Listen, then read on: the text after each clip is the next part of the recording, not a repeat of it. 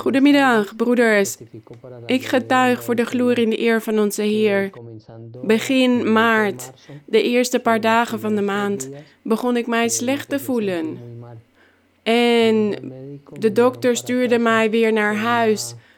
Die zei dat ik een gewone griep of koorts had. Maar een week later was het erg slecht met mij en werd ik positief getest op het coronavirus. En toen ze mij onderzochten, kwamen ze erachter dat ik een ontsteking had in mijn longen. En ik werd met spoed naar het ziekenhuis gebracht. En ik lag op de intensive care. En zij brachten mij in coma voor tien dagen. Ik kon niet zelf wakker worden. De dokters probeerden mijzelf te laten ademen, maar ik kon dit niet. En gedurende die tijd dat ik in coma lag, voor mij leek het als één dag.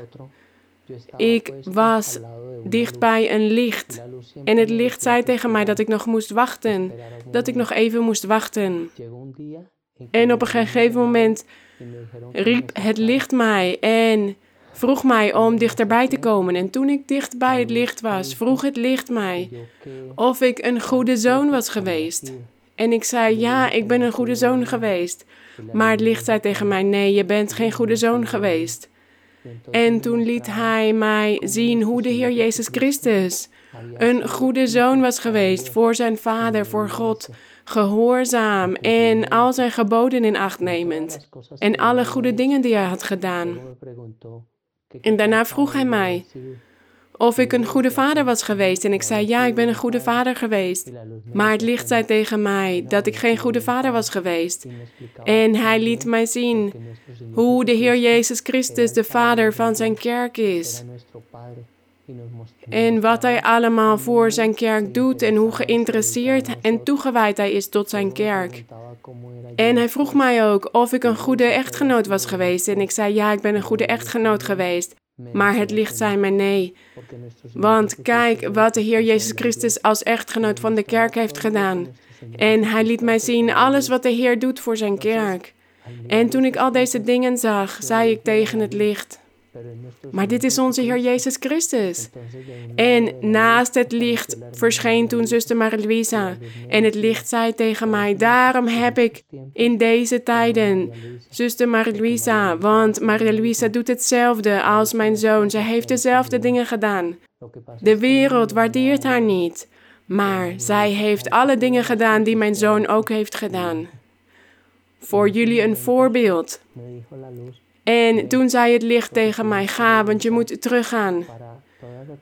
Want ik heb je nog zoveel beloften gedaan. Ga terug en wees die ware gelovige in mijn kerk. En toen ging ik terug. Ik was nog steeds in coma. Maar ik ging terug. Ik zag hoe ik terugging naar de kerk en ik kwam in een lofuitingsdienst aan. En ik sprak tot de broeders over dat wij God horen te loven. Met veel vreugde en met veel blijdschap en met veel overgave. En dat we moeten denken dat we morgen er wellicht niet meer zijn. En dat we zo tot God loven alsof het onze laatste dag is op aarde. En Hij wil dat wij een diepgaande geestelijkheid vinden in ons leven. En dat we in nauwe verbondenheid leven met onze God. En daarom heeft hij zuster Marie-Louise aangesteld in deze tijden en deze bediening gegeven om ons te leiden. En toen hoorde ik ineens mijn naam worden geroepen. Drie keer hoorde ik mijn naam en toen werd ik wakker en ik zag dat het de dokter was geweest die mij aan het roepen was. Want ze waren het beademingsapparatuur aan het wegnemen. En ik kon weer zelf ademhalen dankzij de hulp van onze God. En ik kon dus zelf weer ademhalen en ik ben uit de coma ontwaakt. En ik kon weer thuis komen en ik ben nu beter aan het worden van deze dodelijke ziekte. En dit getuig ik voor de glorie en de eer van onze God.